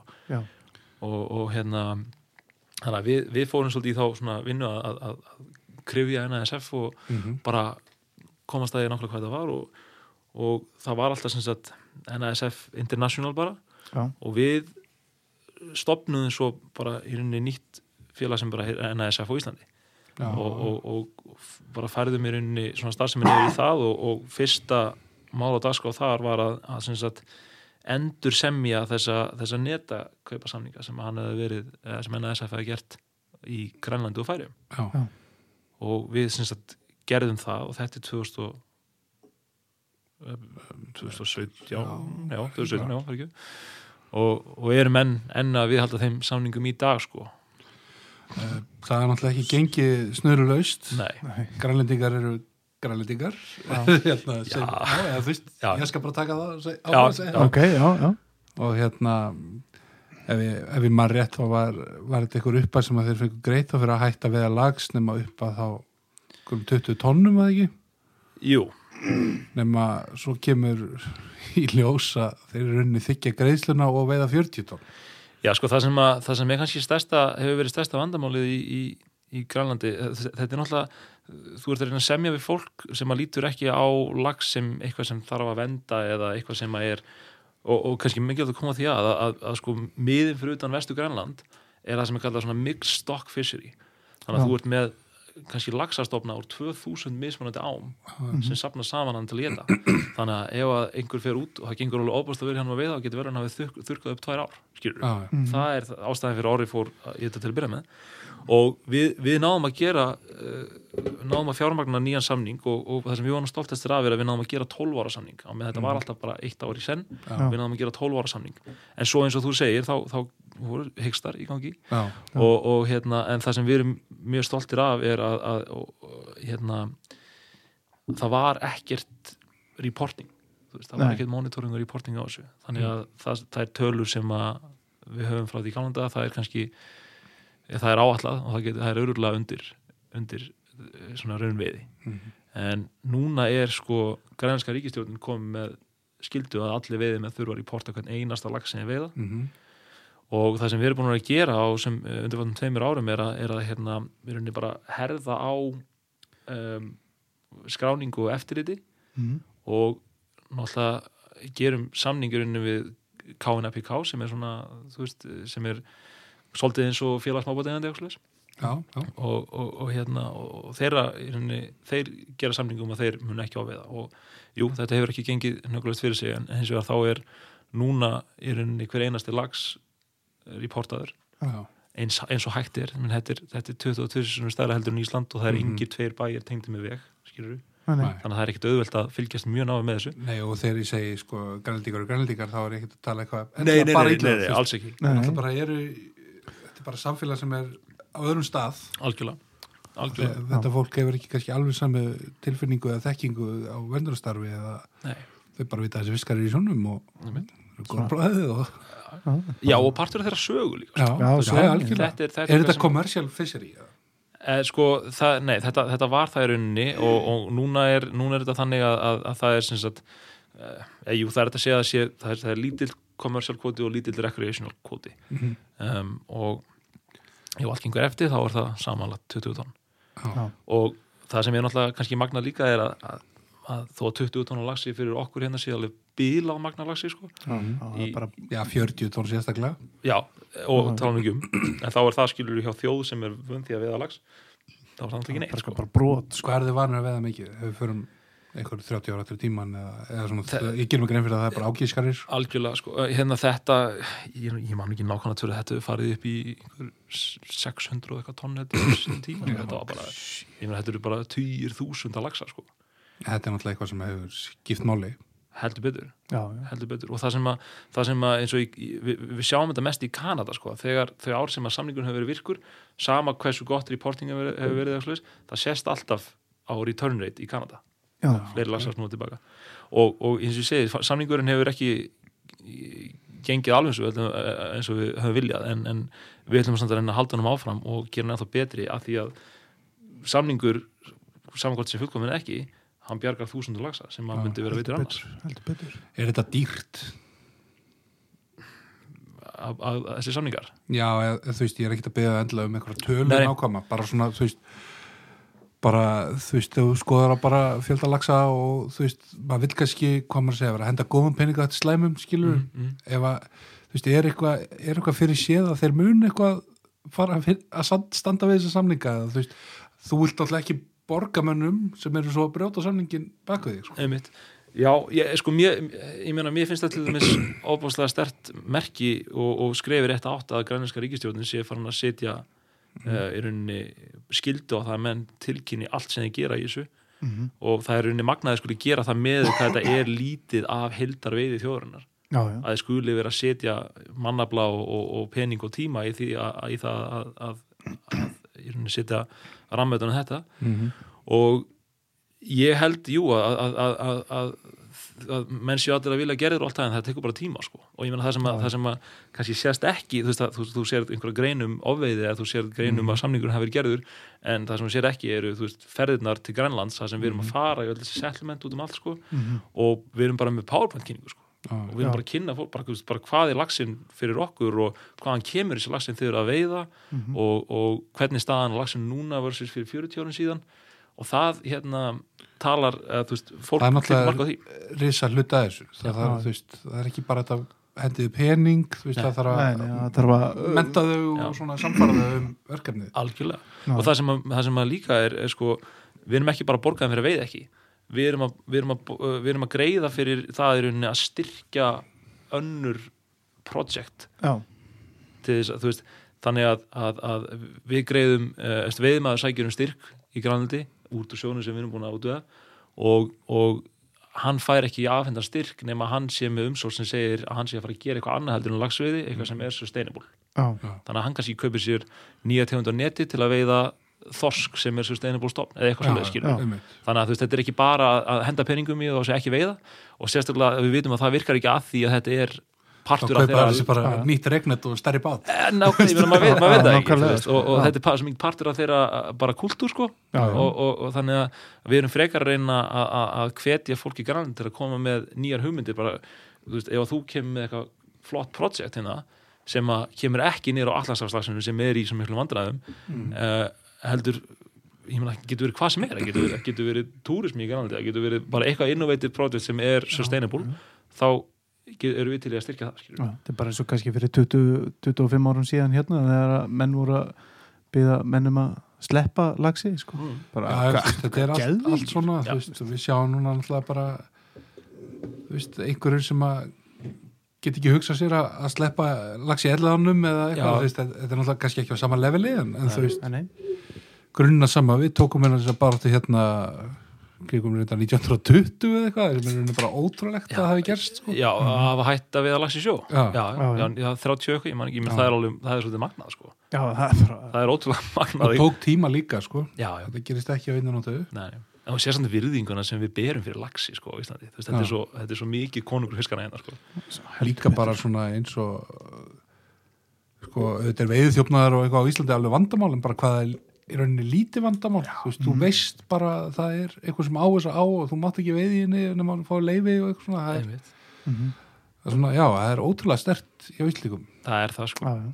og, og, hérna og, og þetta kerfi sem, þetta veiði stjórnarnar kerfi sem við erum í ánum, ánum okkar sko, þannig að auðvitað, það keirir upp verðið veist, við getum ekki neitt Já. af því, við erum allir hérna, allir við þetta borð hérna, við erum búin að hugsa hérna, þetta er alltaf dýrt eða, Já, já, já. en stanslust, já, Það er bara alla daga. Búin að nefna það fimm sinnum við sem þetta sko, en, bara algjörlega skilur það er, þetta er ekki gallalöst nei, nei, en, Nei. en hins vegar, ég meina að þú fegi bara eins og við vorum að tala um hálsna náðan skilur, með 13 kilometra og, og það eru tvær stangir. Og þú mynd aldrei sjá aðra mannesku á meðan nánast alls annars þeir heiminu og fara að veiða og þú ert heppin eða er ekki einhvern nýbúin að veiða þar fyrir sko tímyndu síðan eða það stendur ekki einhver bara onnið sko. Ég tek svona oft til orða þegar maður er að ræða þetta menn sko, ok, þú getur ekki verið alla daga ársins, en sko á þínum degi sko þá er það þinn dagur. Ah, algjörlega. Þú veist, það er náttúrulega kosturinn en ókosturinn er náttúrulega eða þú veist, og líka náttúrulega bara kosturinn er að það er þá einhver fiskur í ánum sko. Já. Já, algjörlega. Maður hefur veitt eins og í bandaríkjónum og eitthvað og það er bara maður við mann. Já. já, ég sé mitt vídeo félagi mín að beina mér á að fara til New York að veiða sko. Var bara geggja og ég var að sjá vídeo þessu sem var mjög skemmtilegt, það var nógu fiski og eitthvað en það var bara, það var bara 15-20 manns bara raðað Já. og svo bara það er eitthvað svona leikrun kyrrahaslags gargan sko Fara, Já, sem, að, sem er öruglega miklu leiti úr hatseri sko. já, er, það er önnur umræða sko. þetta, þetta, þetta er ekki að bleita mig allavega. nei, nei, en þú veist bara whatever floats your boat sko. Já, Já, já, já. algjörlega en hérna já En já. og, og en svona North Atlantic Salmon Fund Æsland Mhm. segir þú veist hvað þú veist nú er til dæmis net í Ölfusá.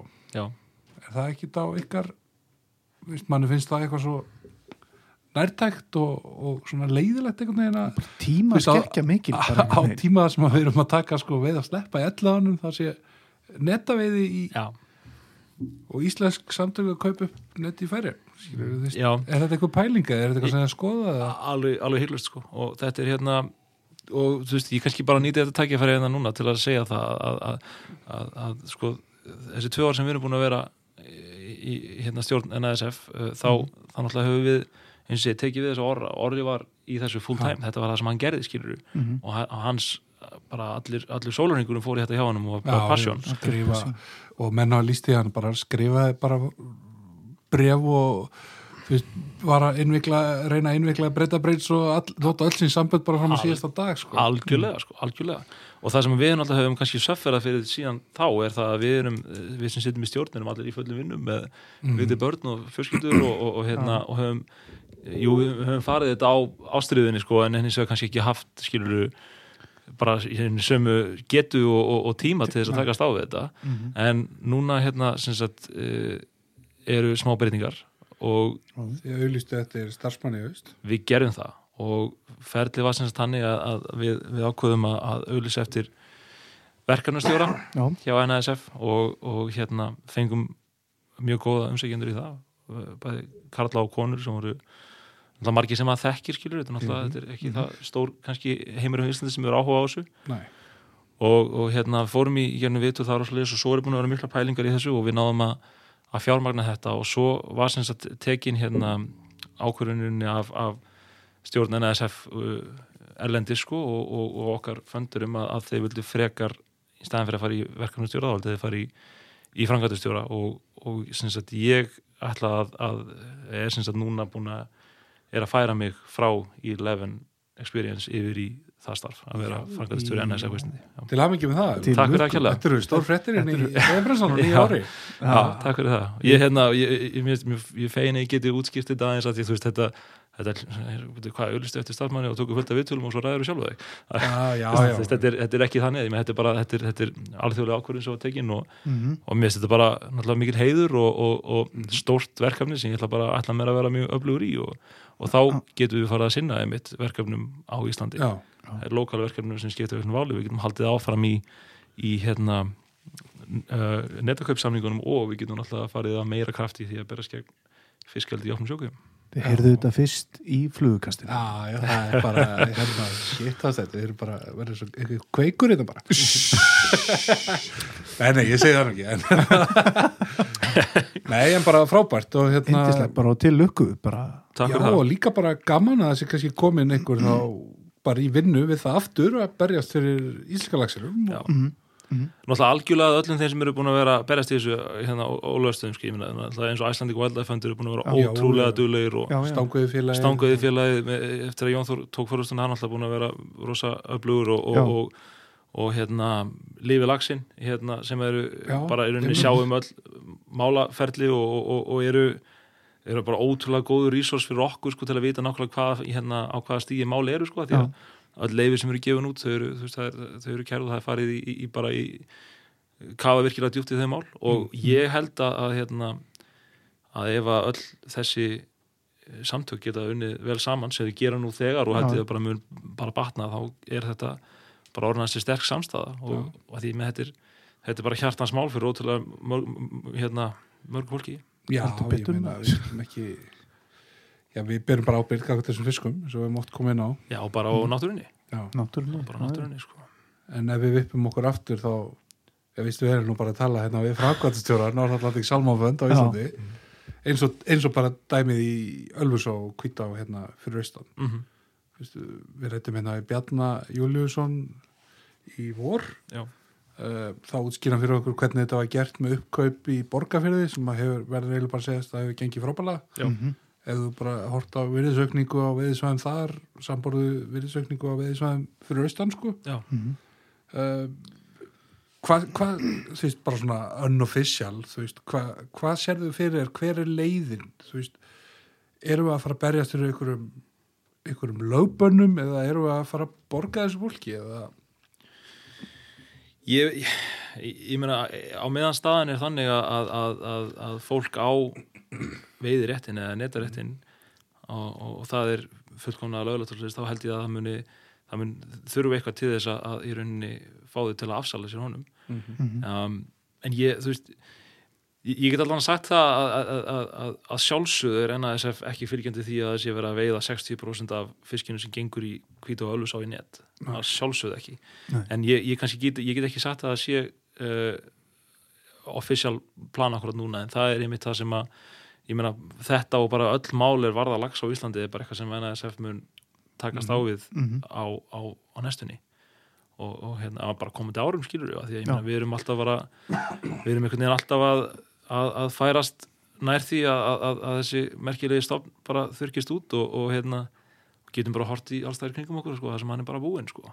já, hérna eitt, eitt svolítið merkilegt dæmi því ég var út í Kanada þá kerum við yfir hann einhverja risastóra á sem heitir St. John River já. og svo sem að var með okkur í bílnum hann sagði ég okkur að komið mitt í borg sem heitir St. John hann á ég er eftirminnileg verð Já, á, á, á eigunni sem, Já. já. Já, já, já, já. þetta, já, þetta er St. John í, í, í New Brunswick held ég já, ekki Newfound Nei, nei.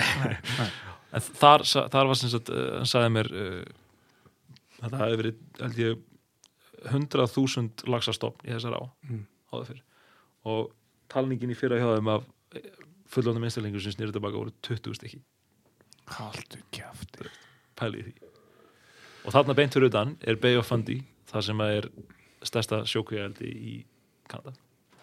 Og búið að setja þrjár eða fjórar stíplur í hana. Þú veist, ég meina, við, við þurfum þetta brút bara, já. Bara Já. no time sko.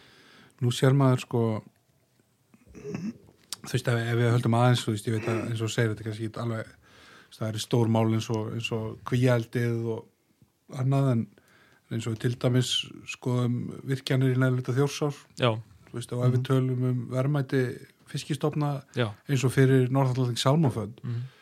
þú veist eh, fiskistofnin í Þjórsá í augnablikinu hefur ekkit rosalegt verðmæti þú veist, í í söl og veilum, jú, þú veist, Urriðafoss er náttúrulega búin að koma upp núna setni ár og jú, það er þarna einhverjar ár, Kálfa og Fossa og Sanda og eitthvað svona.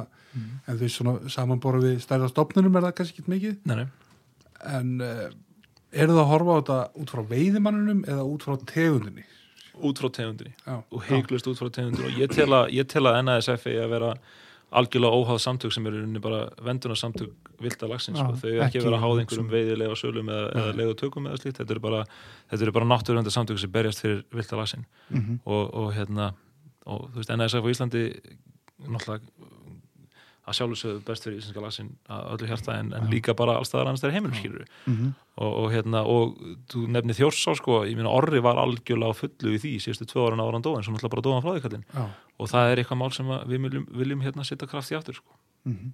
ok Glæsilegt. Frábært að heyra og, og já, eins og ég segi, maður, maður á svona vona á því að, að kannski með aðal púðrið sé að fara í barðan gegn sjókuhjaldinu það er náttúrulega, þú veist, það er heitt mál núna og ég meina það var þeir hérna, þeir laumuð inn á, inn á, inn á samráðskátt og alþingi hérna nýju reglugerunum hérna einhverjum tveimur dögum fyrir jól.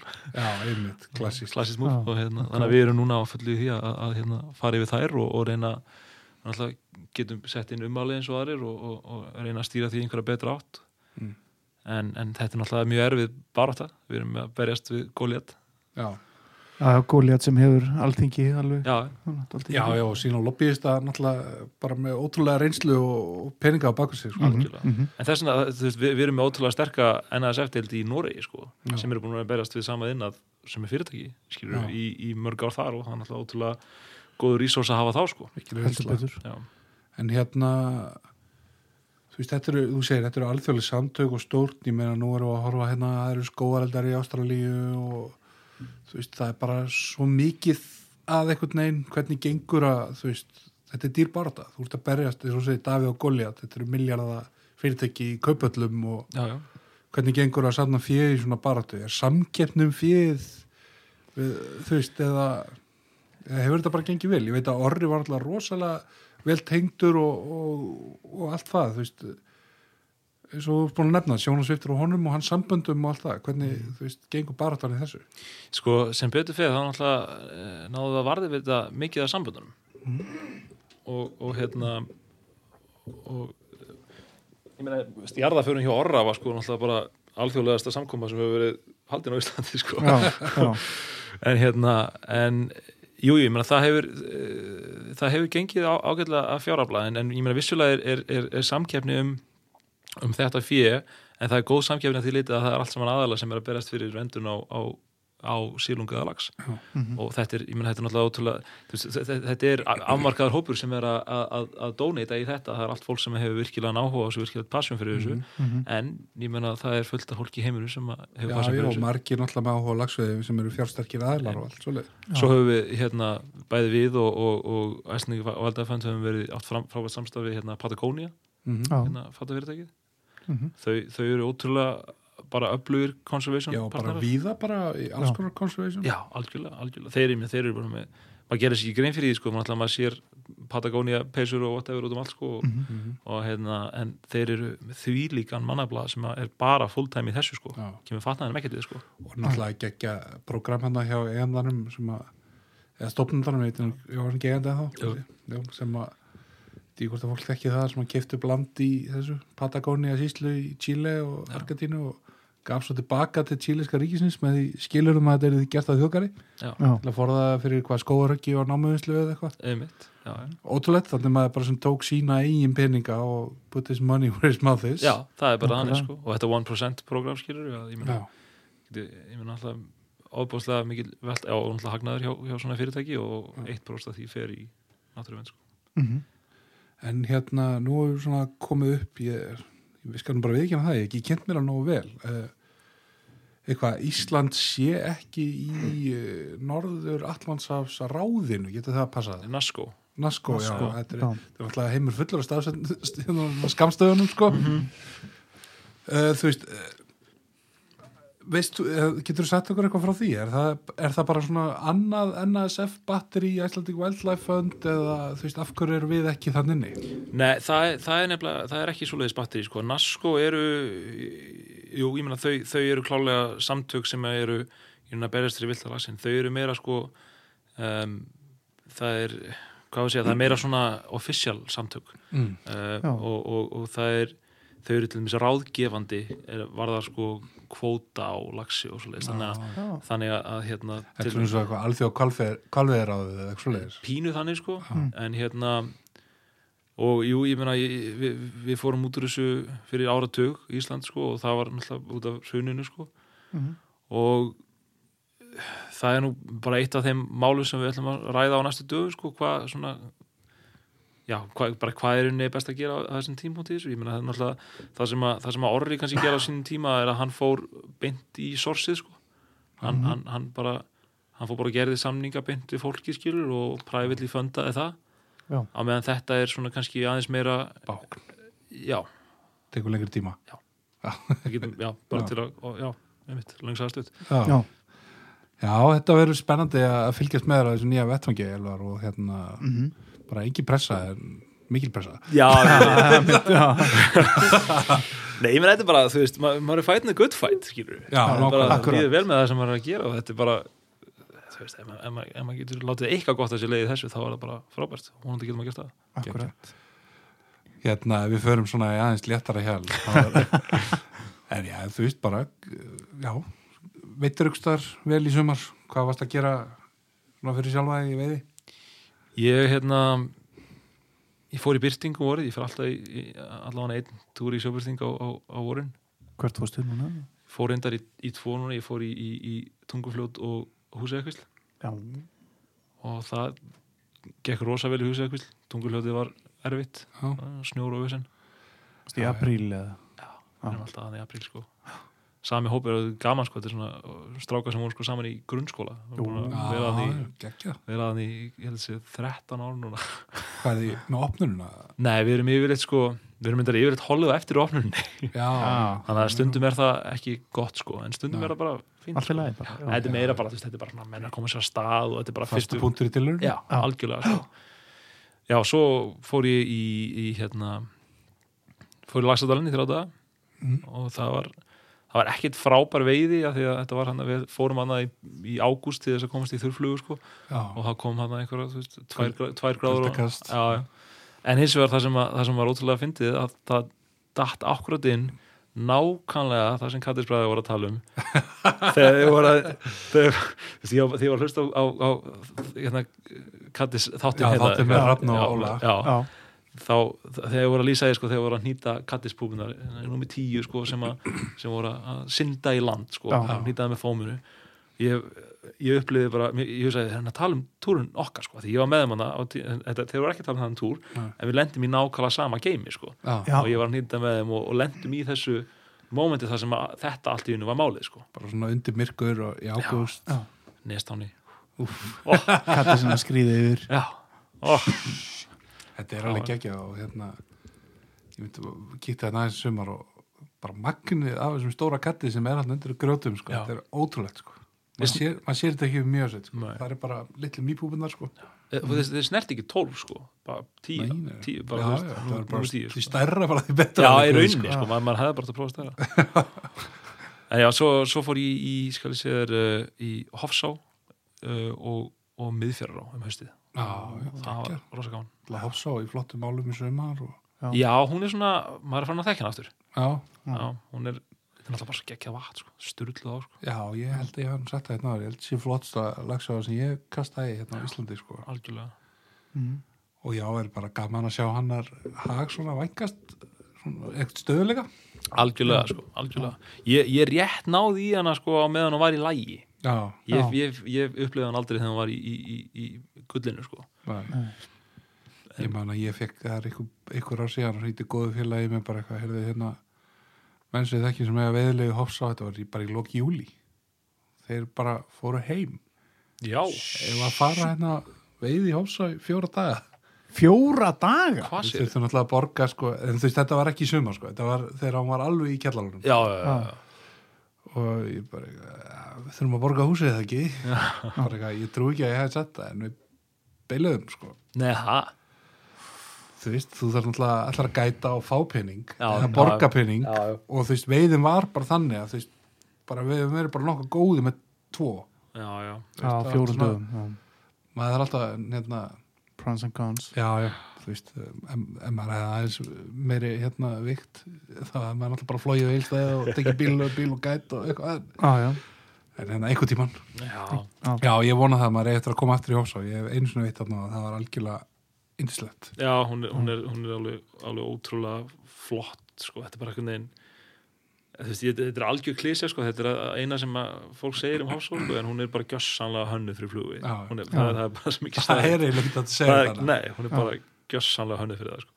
En hérna eitt hérna sem ég er með á blaði hjá mér sem ég var búin að spyrja þau maður hérna sem eitthvað sem hlustendur að mikið er að já, við höfum daldið glimt þessari og við hefum kannski svolítið gleymt okkur og kannski bara ekki kunna að spyrja um en hérna við ánum búin að byrja dundið á þér og gafst grænli og þetta. Já, hérna kúkasa slæða? Einhver slæða? Menn slætt góða eitthvað. slæðu í vöðlum eða? Já, ég, ég skal bara skal bara koma skal bara kom með hana hérna. Hann býtur í vörun á sér. Já. og skammistulegur upp í loftið. Já, já, það er sko já.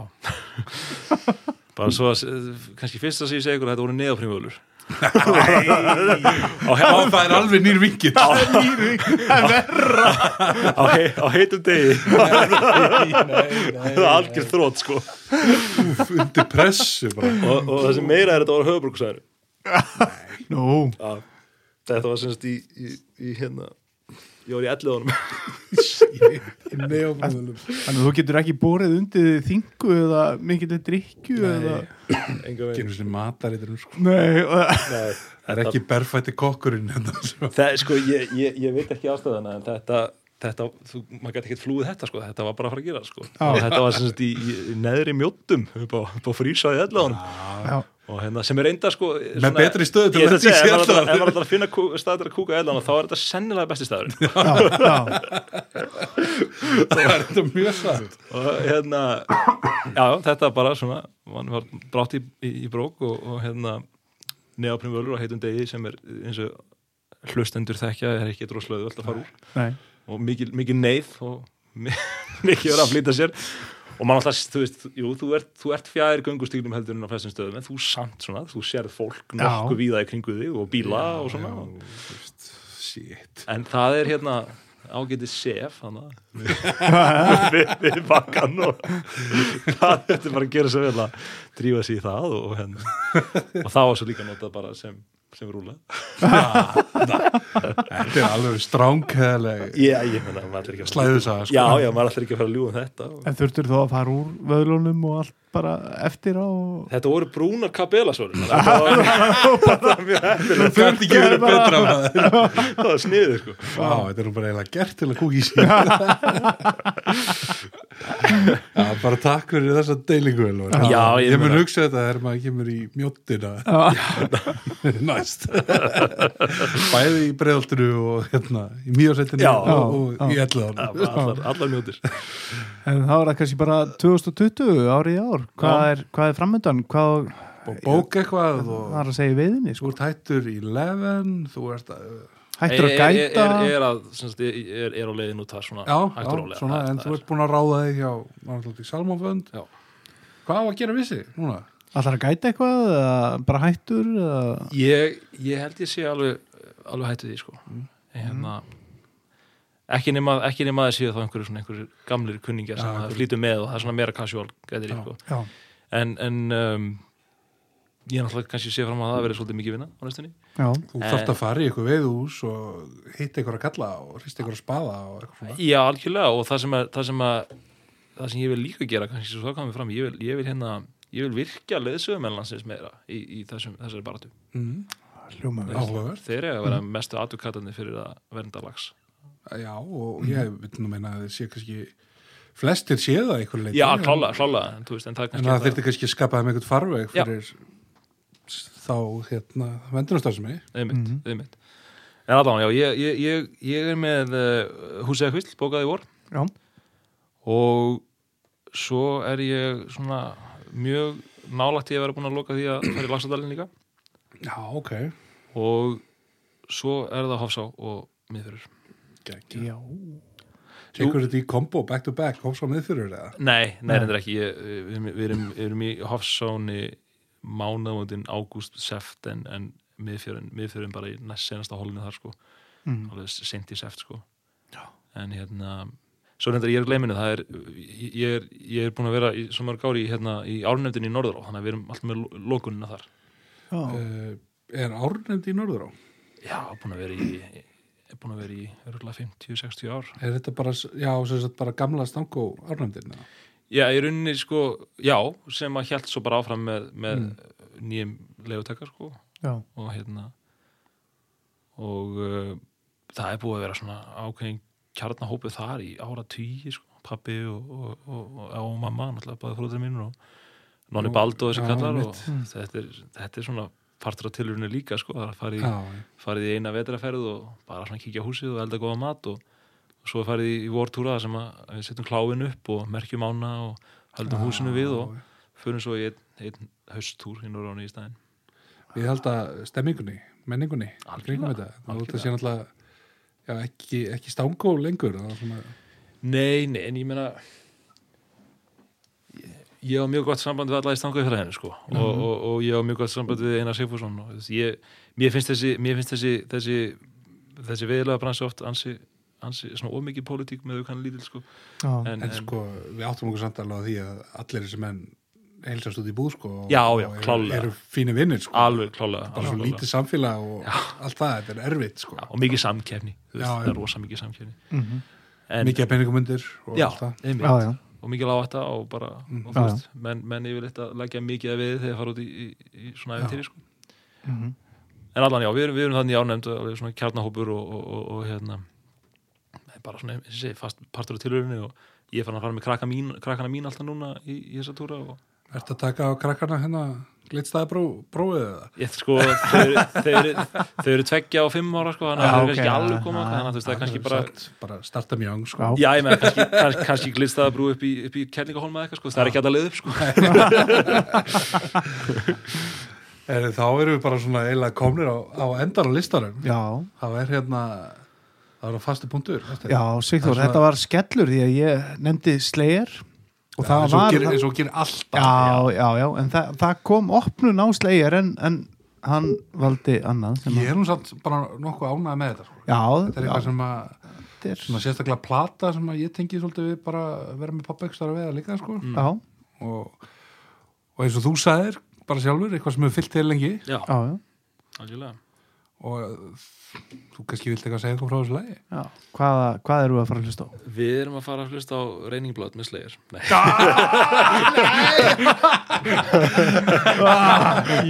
algjör tís. Buksu Það stundi ég alltaf að snúða honum hérna. Algjörlega. Nei, við erum að fara, við ætlum að hlusta á hérna, sem sagt, gamalt blúslag í, í, í aðeins nýri útgáfu. Það er sem sagt lag sem heitir Key to the Highway Mhm. og, og þeir miklu meistarar hérna, Eric Clapton og B.B. King gerði hérna fræga plötum árið sem heitir Writing with the King. Geggja, geggja albumkóður Geggja- gömlu Cadillac, Cadillac já. Cadillac. toppin niður Toppin niður og gítarinn í aftursætinu Sturlað, sko ég, tengi við þetta laga því að þetta var svo einhvern veginn já, kannski á svipuðum tíma og þessi plata kemur út þá er ég rosa alveg bara gjössana að drepast úr veiðbakteríu sko. Þetta er Þannig að- annars 98-9 eitthvað svo leiðis, já, Já. einmitt. Og, og er, er byrjað að fá að fara aðeins meira í, í veiðutúra og og, og, og, og pappi var alltaf með þessa í bílinu sko. og þá hérna bara, ég- mér er sér að man eftir svona einu ákveðinu moment í veiði sko, það sem ég hlusta á þetta lag. Og það var við Helgu Hill í Lerósá Já, eftir ég landaði lagsið þar eitthvað tíu ára eða eitthvað ekki að það var skilur Já, og það er svona, þetta er svona þú veist hvernig maður tengir einhvern veginn staði Bara og tónlist og skinnfæran einhvern veginn tengið þetta allt sko. Aha, að, að þetta ég er, svona yfirleitt í dag hlusta ennþá eitthvað á þessa plötu í veiði og búin að smita nokkra vín mína svona með þessari plötu sko. hljóma sexy Já, sko. þeir eru eh, svolítið hrifnir af þessu sko. Mhm. en já, Ég held að maður þurfa að revju upp þessa plötu líka hún er góð sko. Langt sem Hún er- hún er góð sko. Já, tekur svona, svona, svona, Slayer, BB King er nátt að mesha Já, ég er lítið í slegir nú, sko. Enda- Sa- Saman enda- saman fyrir þessum bólablæta enda með, með vakínu sko.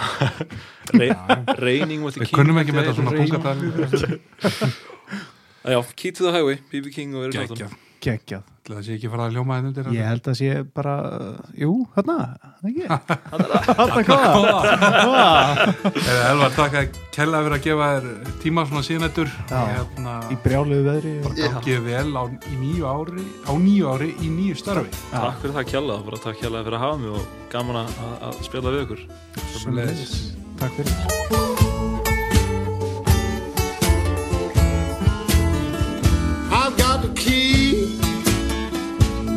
the highway. Bill out and bound to go. Gonna leave here running. Walking both too slow. I'm going back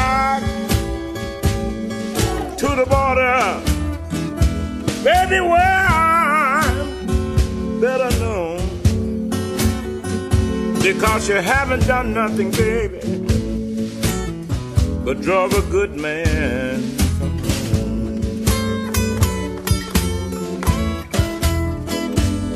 When the moon peaks over the mountain. Little girl, I'll be on my way. I'm gonna the highway until the break of